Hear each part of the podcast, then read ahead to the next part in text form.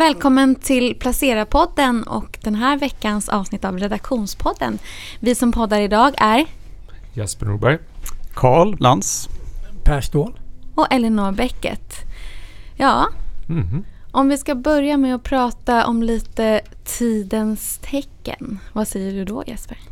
Ja, är det inte lite kul det här med att eh, vad är det? Odd Molly har börjat köpa fastigheter. Jag vet inte om de ska bli ett fastighetsbolag men, men någonting händer ju där.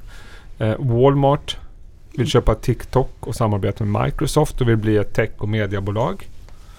Eh, och jag då som ni alltid eh, anklagar för att vara bäsaren. Är det inte lite sign of the times? Kommer ni ihåg hur det var ni som jobbade Per på IT? Era, när liksom varenda bolag skulle bli dotcom-bolag. Liksom. Stöpte om sina verksamheter och nu blir vi dotcom-bolag. Och Det var gjorde namnbyten. Namnbyte. Ja, Var det några fastighetsbolag och sådär som helt plötsligt blev dotcom-bolag och det var skitbra liksom. Vad kommer Odd Molly heta då? Jag vet inte. Odd Molly Technologies kanske? Odd Molly eller Odd Fastigheter. En Odd Fastigheter. Technologies. Nej men det är lite lustigt ändå när man eh, håller på att ändra om och jag, jag säger inte att de gör säkert helt rätt. Jag kan inte bedöma det. Men, men det är just det när man ska börja ändra om sina verksamheter för att gå mot någonting som är lite mer populärt än vad man gjort tidigare. Det tyder kanske på att vi är ganska sent i den här cykeln ändå. Ja, lite grann så. Mm. Samtidigt kanske det är en överlevnads... Eh, ett måste att Ja. göra det. Men, men det känns ju inte kan, kanske som det är deras kärnkompetens. Men, men är det inte lite same same but different då? För att Per, jag vet att du, du är ju inne på att det kan inte vara samma grej igen. Nej, alltså vi pratar ju... Det höjs röster om... Tänkte du Teknikbubblan? Ja, Att men jag är tänkte att vi redan hade haft den här teknikbubblan Ja, och att nu är det ju faktiskt teknik verkligen någonting att, att, att räkna med att det är något annat då. Ja, jag tror det. Jag tror att man har fel fokus. Att det är inte teknik som bubblan blir. Utan snarare, som vi har pratat mycket om, ESG.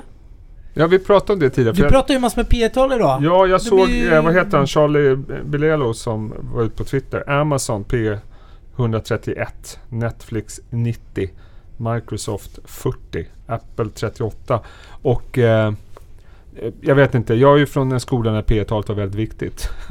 det känns ju som att eh, det kanske inte är lika viktigt och det kanske är helt rätt. Men, men som en gammal konservativ människa som jag så får jag liksom oj vad höga värderingar. Men, men du var, höll inte riktigt med att det inte är så farligt. Jag menar, Nej, det, men det är ju de, fantastiska bolag som växer kraftigt ja, allihop. de två första bolagen prioriterar ju tillväxt och det vet aktieägarna om. Absolut, så är det. Eh, och de andra bolagen är lite mer mogna. Microsoft och Apple. Och det tänkte jag. För jag är ägare av båda bolagen. Mm. Ägt Nibe.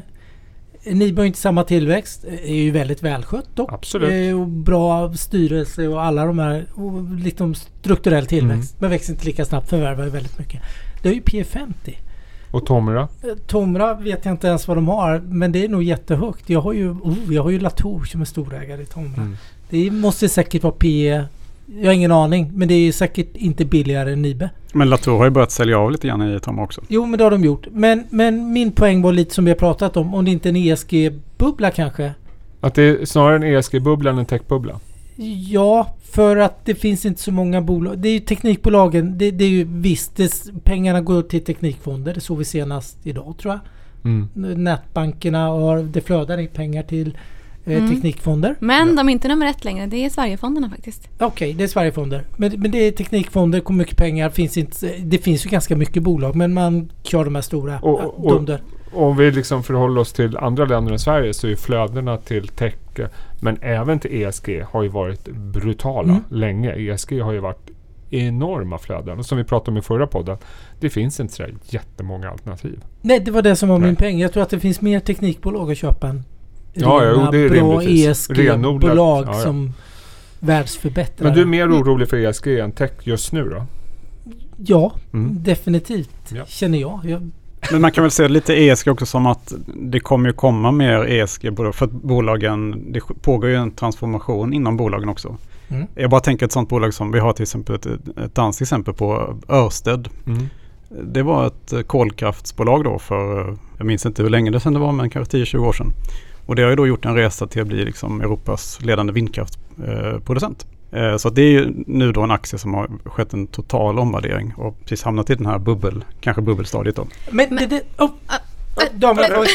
Damerna först. Jo, men det är inte så att man liksom hört talas om väldigt många eh, sådana eh, ESG-bolag som är på väg in på börsen som man kanske då skulle vilja göra. Nej, det kanske är så. Det, är lite, det kan man ju tycka är lite tråkigt. Man tänker att om dels då vissa bolag som redan är stora, som redan finns där, som kommer att, att ändra om. Men det, att det borde ju komma in nya. Ja, men man, Ja, för det som- finns så mycket kapital där, tänker Ja, du. men Att, precis. Och, men jag vet inte, de är väl inte tillräckligt stora för att man ska ha hört talas om dem antar jag. men jag, nej, men jag, jag tänkte på det här lite, det bara slog mig nu. När det kommer sådär mycket kapital så borde det ju, alltså borde jag manager, chef för någon så här lite halvtrött bolag som kanske inte är så ESG. När det kommer in, det finns så mycket pengar, då finns det ju uppenbarligen, det går ju att låna du kan göra gröna obligationer, investerarna går dit. Du kan ju låna pengar extremt billigt och det är lätt om du öronmärker det till gröna investeringar. Även EU, det här jättepaketet, de här 750 miljarder Just det, som kommer här. som kommer, har ju också öronmärkt en stor del till gröna investeringar. Så att eh, Örstedt heter det där. Örsted, ja. Örsted. Alltså, Örsted. den typen av bolag kanske vi kommer se. Bolag som transformeras. Att den transformationen går mycket snabbare i ESG-spåret för att det kommer så mycket kapital. Vilket är bra för... Det vill säga det vi sa om Odd Molly och, eh, och Walmart. Vi kommer se flera bolag som ändrar om sin verksamhet. ja, och det de kanske får går mot ESG. Ja, men då Därför kanske att det är där man ska leta istället för Nibe-tomrare. Ja, Som redan har fått sin värdering. det Eller? tror jag. Men, men så, Ja. Och kanske du man är ju också, en Nibe-älskare tillägga. så kanske man också ska till, se lite vidare. Jag tänker på, jag titt- om man tänker på bilar till exempel. Vad är det som verkligen kommer göra stor skillnad? Är det ett till vindkraftbolag? Absolut, de finns där. De är redan väldigt hypade. Men om man tittar på all biltrafik vi har och vi säger att här i Sverige så för varje år så blir det mer och mer elbilar, mer och mer laddhybrider. Det kommer ju göra en väldigt stor skillnad för miljön. Men det finns väl väldigt få i dagsläget som tycker att förutom Tesla så är ett bilbolag ett ESG-bolag. Men eh, ja, det där är... Så det kanske blir ett vidare begrepp också. Då kanske alla de här pengarna kan fördelas i flera korgar framöver. Ja, det tror jag. Det tror jag också. Mm. Sannolikt. Ja, tecken-sidan också. HiQ. Vi fick ett förvärv i veckan. Och det var en tråkig konsult. Med all respekt för HiQ. Men, men konsulterna brukar ha lite sån här tråkstämpel. Och dessutom har det varit så att i den här pandemin så är det nog många som har sett konsulterna som oj, det här kan vara någonting som får det tufft. Man drar ner på kostnader och så vidare. Men det här drog väl upp alla konsulter den här affären. Och den är ju ganska intressant. Det är en ganska bra konjunkturindikator tycker jag. Att man köper en konsult. Det visar ju att det inte går käpprätt åt helskotta för konsulten utan förmodligen bättre än väntat. Jag pratade lite med Christian Brunli på Handelsbanken om det här i veckan och han tyck, höll väl med om det. Att det, det är nog så att konsulterna som många andra har klarat sig bättre än vad man trodde de skulle göra i den här pandemin. Så att eh, det kommer spekuleras om ytterligare förvärv framöver. Och en Men- hyfsad premie var det ju. Vad var det? Ja. Från Ja. dryga 50 till 70 eller vad det var. Jag tänker ju på lite fler saker på affären. Dels som vi pratar om att det går mycket pengar till teknikfonder och ESG. Eh, Det kommer ju in väldigt mycket pengar, eh, alltså stora mm, pensionskapital som ska placeras väldigt långsiktigt. Som har lite svårare att hitta avkastning idag när obligationsräntor är så pass låga och så här. Eh, Det går ju mycket pengar till PE-industrin. Ja. För det är ju ändå ett private equity-bolag. Eh, de Som köper inte- HiQ. ja. som köper Mm. HiQ. De har inte egna pengar utan de tar in pengar på stan eller runt. Och det är stor del är långsiktiga pensionskapital. Eh, Så det är möjligt att Ja, det, även här kommer det mycket kapital tror jag till PE-industrin. Den växer, den går bra och det ska... Ja, på det, något det är sätt- väl rimligt att vi kommer se fler uppköp framöver. Dels på grund av de flödena men också på grund av den här liksom transformationen som många bolag gör. Vi såg Siemens köpte ju eh, Varian som var Elektas, eller är Elektas största konkurrent. De var ju ensamma på den här marknaden i princip, Varian och Elekta. Och Elekta har ju spekulerats kring sedan 90-talet att någon ska köpa dem. Det har varit alla möjliga. Och det är liksom Siemens, de här stora organisationerna Siemens Healthineers. som, som hittar liksom alternativa tillväxtkällor. Det finns ju Philips, det finns GE, det finns ju massa av de här jättebolagen som, som eh, eh, skulle kunna tänka sig att göra sådana här affärer. Så jag, jag tror att eh, just Elekta ska vi inte gå in på, men de kommer med en bra rapport också. Jag tror där kommer nog det här uppköpsryktet hovra över dem ett tag efter det här. Det tror jag. För att det- är liksom typiskt bra affär för stora industribolag att göra. Men då Vi- tror jag att det blir mer uppköp i höst, sannolikt. Ja, Eller- räntorna har ju, eh, kommer ju vara låga. Det har ju Powell garanterat. Och övriga centralbanker också för den delen. Eller hur? Ekonomin kanske vänder lite upp. Underliggande tillväxt är väl ändå sådär. För många bolag. Om vi bortser från liksom techgruppen. Så att, eh, varför inte? Det låter väl rimligt. Några Tycker jag. särskilda branscher då som... Hälsovård tror jag kommer ske mycket affärer. Eh, tech givetvis. Eh, men, men vi såg ju även, vi har ju sett även inom eh, industrin här i sommar. Vilka var det som köpte det här finska? Var det Alfa som köpte eller var det Atlas? Jag kommer glömmer alltid bort. Det var ju en stor affär där, hur som helst. Så att, nej men jag tror att det, det, vi kommer se mer av det. Det låter ju rimligt. Tycker jag också. Vi pratade lite också om att en annan bransch som kommer... Står de inför det eller står de inte inför det? Fondbransch. Kommer vi se konsolideringar där? Där känns det snarare, det ploppar upp små nya hela tiden. Jag säger ja. Det säger jag. Bara för att Mm. säga någonting. Men det känns väl eh, som att det är ett rimligt antagande. Är Ja, för nu startar... Det är ju en av dina... Du har ju intervjuat honom flera gånger. Jag tänker på Skoglund. Ja, startar eget. Startar eget nu. Ja, Tin Fonder startade... de- framgångsrikt. Det är ju två år eller något Ja. sånt där de har. Visst. Ehm, Starka namn är det ju. ja, Många, Ja. bra avkastning. många anhängare. Ja, precis. Starka namn med bra avkastning. Men samtidigt så är det, det är rimligt om det kommer en konsolidering där också. Tänker jag lite över. Jag menar, de stora bjässarna letar ju som alla andra tillväxt. Och det Eller? blir mm, många köp. Det är lite polariserad marknad. Ja. Indexfonder växer så det knakar som är billigt. Där man har, det är ju små marginaler. Det är Mm. ju s- liksom volymbusiness. Ja. Och sen då de här riktigt duktiga aktiva förvaltarna som kanske Ja, de har möjlighet att starta eget. För de Mm. har starka namn och mm, bra historik. Och, så det kanske, men däremellan dålig Mm. aktiv förvaltning och mm, för dyr kostnadskostym. Ja. Där kanske man behöver skruva åt. Nu pratas ju inget om regleringarna. Vi Nej. pratar ju om andra saker. Det är massor med mm, saker man inte pratar om. Man pratar inte handelskrig. Det pratar vi om mycket. Det pratas mycket regleringar i banksektorn och finanssektorn. Det pratar man nästan Nej. Inte. Liksom Brexit helt borta ur Brexit är radarn. också helt borta. Vad Det är hette du sa du? Brexit. Brexit. Okej, låter bekant.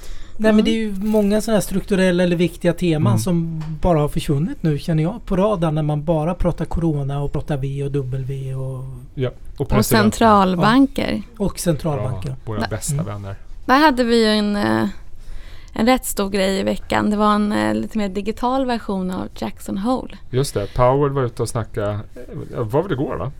Eh, han var ute och pratade och eh, vad var det han sa egentligen? Eh, han sa att eh, de skulle ändra inflationsmålet till att det skulle ligga i genomsnitt på 2% över tiden. Average Inflation Target.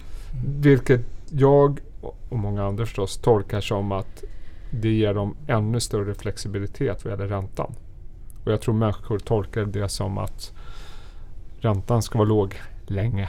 Det var det de ville att det skulle tolkas som. Ja, så att, det var eh, Det var ganska förväntat också av makten. ja, Det var det. Det hände att, nästan eh, ingenting. det hände det är väl precis. ingen som har några förväntningar på att räntan kommer höjas. Men frågan är vad som händer om den här återhämtningen bara fortsätter. Liksom, att det här blir bara starkare och starkare och starkare ekonomi. Vad gör man då? Nu har de kanske köpt sig lite tid då med det här uttalandet. Men Jag tänker det är fortfarande sådär, även om liksom börsen rallar och allt sånt här så är det fortfarande många sektorer som är extremt pressade av den här. Jag tänker arbets- hela turismbranschen till exempel, Ja. hela eventbranschen, Och arbetslösheten är kulturbranschen. Mm. och vi har hög arbetslöshet. Mm. Så att det är ju liksom fortfarande kris, väldigt stor kris i många branscher. Ja, man, man ser ibland inte skogen för alla träden. Liksom. Det, det är väldigt mycket som eh, Och så kanske inte är man ser, Ja. Man ser man väldigt fokus på börsen också. Men det finns ju en ekonomi utanför börsen.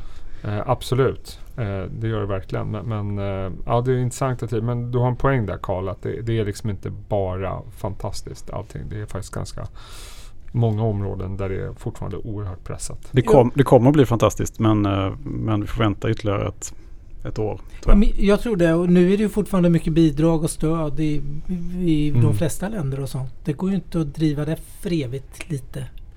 Nej. Är- På något sätt. Du måste ju ha Men skatteintäkter. Vi, vi, vi ser ju nu till exempel här att eh, antalet covid-19 fall ökar ju ganska mycket i Europa. Men Mm. eh, de europeiska ledarna ju, säger ju väldigt, väldigt tydligt att vi kommer absolut inte att stänga ner ekonomin igen. Och det är ju helt enkelt för att det skulle vara alldeles för dyrt att göra det. Finns, in, finns ingen möjlighet att göra det längre. Men däremot kommer vissa delar. Det är, jag menar Lufthansa var eh, 2024 nämner de som att då kan det börja vända. SAS är väl kanske lite mer optimistiska. Ja, då är det tillbaka igen tror de ju. Ja, 2024. men vi Mm. pratar ju fortfarande om att det är liksom en, en bransch som Mm. kommer påverkas i två, tre år. Ja. Minst. Minst ja. Eh, Eller hur? Och det är ju ganska, säger ju ändå ganska mycket om att det här är definitivt inte tillbaka till något normalläge. Bara för att det känns så när man cyklar genom Stockholm. Mm.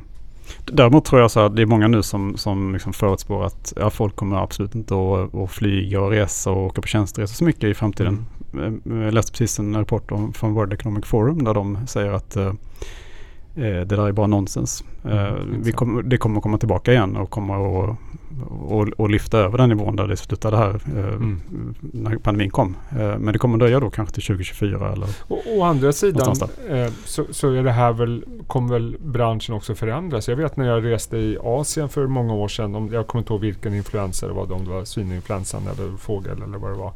Men där fanns ju färdiga system för det. Man gick igenom en, en sån här liksom, kontroll där de mätte din temperatur när du gick igenom den. mm, jag vet. Mm. Eh, och, och där hade de ju liksom rutiner och de rutinerna lär väl komma till våra flygplatser också misstänker jag. Att, Absolut. att man kommer hitta sätt att leva med den här typen av eh, pandemier och så vidare. Ja, och det är, samma i, det är samma i Afrika också. Där är de också mycket mer vana vid att leva med pandemier. Ja. Alltså de har ju, alltså de har ju massa pågående, pågående pandemier, alltså till exempel malaria till exempel, att Ja. leva med det och, och ebola till exempel. Ja. Eh, Så att de, de kan det där mycket bättre Vad är det för bolag som tillverkar den här typen av utrustning? För det lär ju efterfrågas. Värmekameror eller? Ja, och sådana grejer. Eller hur? Hans Febertermometrar. Ja, ja, men där, jag, menar, jag tror det var, jag kommer inte ihåg om det var i Thailand eller Singapore. Där var det, man gick igenom liksom en, Ja, de skannar. en, en scanner Ja. som kollar liksom vad man Mm, hade på för flygplatsen. ja. Och man kände bara, är jag förkyld? Nej, jag tror de inte känner om du har feber och allting. Eller de, Men jag var ju på, eh, jag var i Italien nu i somras och där mätte de ju temperaturen i, om du gick in på museer faktiskt. Men då gjorde de det f- eh, Men för hand, manuellt för hand, ja, och där måste man ju hitta någon bättre utrustning tänker jag. som står automatiskt där. Mm, känner av. Ja, intressant. Jag tror snarare det, en- en lockdown, att vi måste liksom anpassa samhället utifrån den här typen av pandemi. Att vi får lära oss att leva med det Exakt. så effektivt som det går. För den här lockdown-taktiken då, det var ju en kinesisk metod eh, som det. alla kopierade. Eh, och det var kanske lite överilat att göra det på det sättet, kan man ju säga. Det, det, får, det kommer ju framtiden utvisa, Mm. om, såklart. Mm. Det har nog diskuterats kring Ja. många köksbord den här sommaren om man säger så. Kanske bidragit till en och annan dålig stämning ibland. Ja, det är möjligt. Ja, ja äh, intressant. Men jag håller med. Jag tror inte heller det blir någon lockdown. Och där, därmed inte en chock i systemet igen. Nej. Det håller jag med. Lynchningar, Karl. Har du gjort en lynchning? Och du kanske ska förklara för våra lyssnare vad en lynchning är. Inte i... Det är inte så hemskt som det låter. Nej. Nej, det finns ju en känd investerare som heter eh, Peter Lynch. Och eh, han är väl främst känd för att han, eh, han vill se hur det verkligen ser ut i bolagen. Mm. eh, och testa produkterna och till exempel om han skulle köpa H&M's aktier så skulle han ju då göra som, som jag vet att Jesper gör att han kollar in i hm butikerna hur många Som är där. där Mm. kanske. Det lärde jag mig av en gammal kollega för många, många år sedan. Som analytiker, HR-analytiker. Han stod alltid utanför en gång i veckan och hade såna här räknare. Mm. Vad heter Mm. det? Som man, du vet, man trycker på en knapp. För varje person som gick in och ut ur butiken. Jag vet inte, men jag vet vad du menar. Mm. Det var lite mer manuellt då. Men han, det koll, en gång i veckan så gick han dit då. Och då köpte han H&M på det eller? Nej, men han, så hade han Excel-ark och sa att den här veckan är faktiskt ner 2%. Okej. så att, det var lite samma. Ja. Vad har du för lynchspaningar? Jag har ju rest runt i Europa en hel del nu i sommar Mm. och eh, min spaning där har varit till exempel på um, att på motorvägarna eh, så eh, har det varit eh, har, har jag sett att, att själva logistiktrafiken har varit, eh, jag kan inte se någon skillnad från tidigare år. Så att säga. Att är, man ser verkligen att lastbilstrafiken är enorm. Liksom. Mm. Men däremot är personbilstrafiken har varit mindre. Särskilt då när man kollar trafiken mellan eh, över Alperna.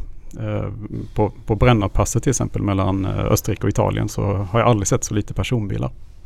Så att det, det tror jag, det, det tolkade jag som då personbilsturismen då så att säga har eh, förmodligen gått ner ganska mycket. Eh, och det kan man ju anta att det är så också. Ja, det låter ju ganska logiskt. Ja, men, men-. Men, men, eh, transportmässigt då så är det ingen Ja, men det tänkte jag faktiskt på i somras. När jag, nu har jag bara varit i Sverige då i sommar. Men där har det varit... eh, Jag har verkligen inte sett någon skillnad på långtradarna som kör på motorvägarna. Ingenting. Nej. Jag har inte sett. Jag lika mycket och, som det alltid har varit. Ja. Känns så i alla fall. Så det är ju tecken på, det är ett positivt tecken så att säga för ekonomin i alla fall. Att, eh, att det verkar rulla på. Någon annan? Har du någon lynchning Per? Ja. Nej men jag har ju... Ja men det är ju mycket folk på de här lyxvaror... Det slår Mm. mig lite lyx. Den här långa kön utanför LVM har ju jätte- Alltid kö Mm. där. Men det är frågan om Och kan- Chanel numera. Det var det inte under pandemin. Eller när pandemin var som värst. Nej, det, det noterar jag också. Det är ju alltid kö där. Men jag vet inte. De släpper väl inte in lika många. det är en sak. Men, men ändå. Det är ändå Men människor där. ändå. Ja, ja visst. Ja, ja. Men omsättningen var ju ner massor för LVMH så det är klart att de... Men kursen är inte ner lika nu. Eh, Jag såg en spaning i en, eh, från Tyskland faktiskt. Eh, En lynchning till. Eh, Mhm. Och det var att eh, väldigt många jag besökte där. De beställde mat via eh, en sån här matbeställningsapp. Mhm. Och tyskar är så här superkonservativa normalt sett. Så att eh, det fick mig faktiskt att kolla in på eh, de här matbeställningsbolagen. JustEatTakeaway.com och Deliver Hero. Och Deliver Hero har då sålt sin tyska del till eh, Just Eat Takeaway.com. Så att det fick mig faktiskt att köpa den aktien. Men eh, pratar du om eh, appar som när man sitter på restaurangen? Nej, nej, nej. Nu pratar jag om att sitta ja. hemma och, Ah, du och Foodora, Uber Eats, precis. den typen. Att de cyklar hem Ja. maten åt dig. Och sådär. Okej. mm. Och det, det förvånar mig att det var så stort redan nu i, i Tyskland då. Och att Mm. jag, man såg att det är liksom det här. Att de har tagit det till De har sig. tagit till sig, Mm. ja, precis. Men de har ju tagit till sig bolaget också till DAX 30-index. Precis, Delivery har Alltså, precis kommit in i, ja. i DAX 30. Mm. Ersätter det här skandal... Det hemska bolaget. Det här skandalbolaget. Har de någon motsvarighet till Mathem och sånt där också? Då? Tycker Hello Fresh heter det på lite... tyska. Okej. I Tyskland. Det är samma. Ja, det känner man ju koncept. igen på något vis. Ja. Och sen har de ju eh, Apotea också. Motsvarande Mm. Apotea, Shop Apoteke. Som har gått Just alltså det. flera hundra procent eh, nu under pandemin. Då har jag haft någon förvaltare som varit här och pratat om innan pandemin. Att Ja. det var väldigt stark tillväxt i det redan då, innan det här. Ja. Intressant. Eh, ja men det är intressant. För, för det man kan fråga sig nu. Vart är börsen på väg? Det pratar vi alltid om här. Men ursäkta. Det, min känsla är nu när jag pratar med förvaltare. Innan sommaren då var det en ganska splittrad bild. Nu är det liksom all in. Till och med den mest pessimistiska pessimisten tror att det ska fortsätta Nej, men alltså det, det är så många saker som talar för. Dels makrot ser ju bättre ut som jag pratat om. Vi har, eh, eh, jag pratade med Nils Brobacke som tog det tekniska och det liksom ser hur bra ut som helst. Flöden har vi pratat mycket om. Eh, dessutom det här med att eh, allt fler sektorer och marknader som inte hängde med i uppgången börjar röra. Så att du har liksom en bredare uppgång nu. Banker har börjat gå bra, Industrials har börjat gå bra, Emerging Markets, ett antal råvaror. Det är liksom, nu är det liksom allting förutom fastigheter som fortfarande står och stampar lite grann. Eller hur? Eh, Brunlid som mäter Q2-rapporter sedan 45 kvartal tillbaks säger att Q2 20 är det bästa sedan Q2 09 utifrån förväntansbilden. Och då var det också så här jättetaskig ekonomi och helt plötsligt så vänder det upp sig. Det finns ju väldigt mycket. Och då har jag, det är ingen lynchning egentligen, men jag träffade en förvaltare på gatan på vägen hem häromdagen. Som eh, Spontant. spontant bara träffade honom på gatan sådär. Och eh, jag ska inte nämna vem det var, men, men eh, gått ganska bra i år. Men han var ju frustrerad. För han kände liksom att det är en så svår marknad. Det är flödena som styr. Han sa, titta hur många bolag det är som inte har tillväxt. Men ändå bara liksom flödar pengarna in överallt. D- den är svår att hantera. För ett bolag som man kanske tycker, nej men det här är för dyrt, ingen tillväxt. Det är pengar hittar dit ändå just nu. Och det, han såg ganska sliten ut faktiskt. Och då hade det ändå gått ganska bra för honom i, år. Den, den är en svår marknad att navigera. Vad är det som ska vända det? Är det någon som har en tes just nu? Alltså om alla är superpositiva så, eh, och alla har köpt. Till Ja, slut det finns det väl inga, ingenting mer att köpa för. Aktierna tar slut. ja, inte lär det vara pengarna som tar slut. eller? Nej, just nu känns det ju inte så. Det känns ju, jag vet inte riktigt, men det är väl kanske lite det jag var inne på, att man har glömt bort, eller man pratar inte lika mycket om handelskrig och Brexit och jag kan till och med tycka att även om svenska nyheter ältar amerikansk presidentval mer än svenska nyheter så känns det inte som det har någon effekt på börsen. Och det kanske inte ska ha. Alltså man kan ju tänka sig att om, eh, om Biden vinner att eh, hans eventuella skattehöjningar då skulle kunna ha en viss negativ effekt men samtidigt kommer man ju då gynna, andra bolag gynnas som lite mer grön ekonomi och sådär. Absolut. Å andra sidan kan du ju säga att vinner Trump så kanske det blir en, ännu mer eskalerande av handelskrig. Så den, den, det kanske är så att människor känner att nej. Och sen vet vi amerikansk politik. Man säger någonting och det Mm. dröjer liksom två år innan Ja. det... Eller om ens det liksom. Så att jag tror att... Ma, jag menar farmabolagen till exempel som alltid är i fokus. Det är oftast mycket snack och liten verksamhet när det kommer till kritan. Jag tror de har... De är ganska vana vid det här. Ja, och inför när, då den, när, när Trump blev vald så var det ju också så att ungefär 98 procent sa ju att om Trump vinner då kommer det här bli så här och så här och då kommer Ja. börsen gå ner så här Ja. och så här mycket. Och sen så gjorde den inte det så nu Nej. kanske man är lite mer luttrad och lite försiktig med den typen av uttalanden. Ja, det, Och att hur, vad man tror. ja men precis, och det är väl lite det Karl... Ja, men liksom, när alla experter säger något och i Trump-fallet blev det ju verkligen inte som alla Nej, nej. stora förvaltare och stora banker var ute och hade sina scenarios. Det, det blev ju Det skulle verkligen... falla x antal procent. Ja, och och sektorer skulle gå Ja. si och så. Men det blev ju absolut inte som Nej. de stora förståsigpåarna eller experterna tyckte. Jag tänkte lite där du är inne lite på nu kanske ändå. Med att alla är så positiva nu som ni säger att det brukar ju aldrig bli det alla tror. Nej, det är väl det som Det- är faran kanske. Ja. Att det, det är så oerhört positivt hos de flesta. Eh, inte alla givetvis, men, men de flesta. Eh, och de som har varit negativa har ju haft så otroligt fel just i det korta perspektivet. Tänkte jag att ha kortat Tesla de senaste två, tre Eh, åren. mm. Och då finns man ju inte kvar antar jag. Det måste ju vara den Nej. sämsta kortingen man, som har gjorts. Mm. Det då? Ja men som exempel så har man varit för pessimistisk och Mm. Och, det, och det är klart, då blir det ju på något sätt att de som har missat den här uppgången vill gärna ha revansch liksom. Så det blir ju FOMO på något sätt. Då ska man in där. Och måste gå in i, i börsen. Ja, Det kan vi göra. är någon Ja. annan smart? Spännande? Lansen, har du något på, i dina papper? Det ser ut som du vill säga Ja. någonting. Du sitter med massa post-it-lappar. Nej, bara en spaning jag hade var, eller som jag sett är ju att eh, Europa blir lite hetare. Det är ju en sån, sån sak som skulle kunna fortsätta kanske driva Mm. uppgången lite grann. Att eh, europeiska aktier då är värderingsmässigt Ja. eh, Och det, det har jag hört från, ett. Mm. från ett par förvaltare också som har eh, överviktat Europa mot USA. Torbjörn Söderberg Intressant. allokerar på Mm. JRS. Han Ja. sa det. Och framförallt då för att den här fonden har kommit på plats. Den kommer ju att vara Mm. jättepositiv under de kommande åren också för eu- europeiska ekonomierna. Och sen EU-pengar. också EU-pengar, precis ja. Och sen också det här att Europa är inte så mycket old economy som man kan tro längre. Eh, om man då kollar på ett EU-index så eh, bank och energi är ju bara 10% av index. Och för 10 år sedan var, det 25%. Mm. Eh, och tech-aktier då är i alla fall 14% nu på Och- Eurostox. Och det här är ju jätteintressant för det har ju varit ett argument för varför USA-börsen ska ha högre värdering. Det är ju för att de har betydligt fler och det har man fortfarande fler techbolag medan vi har då mycket mer av den gamla ekonomin, banker som, som gör att man kan inte jämföra P talen rakt över. Men det är klart om vi ser det skiftet även i Europa Mm. då, då ska vi också få en uppvärdering. Alltså Och har- bank har- är bara 6,6% nu av eh, europeiskt index. Så Ja. att, eh, Det måste ha varit 20 eller ja, någonting. det måste för- vara jättemycket högre. Innan finanskrisen. Jag tänker på när biltillverkarna måste ha varit väldigt stora index. Ja, De är ju helt pulveriserade. Precis. eh, Mer eller Mm. mindre. Och de här stora Volkswagen och Mm. BMW och Alltså nu, nu är det ju hälsoaktier då som är störst. Hälsa och Mm. eh, konsumtion. 31%. I Europa ja. Då tar vi helg då. Ja, det gör vi verkligen. Trevlig helg. Trevlig helg. Trevlig helg. helg.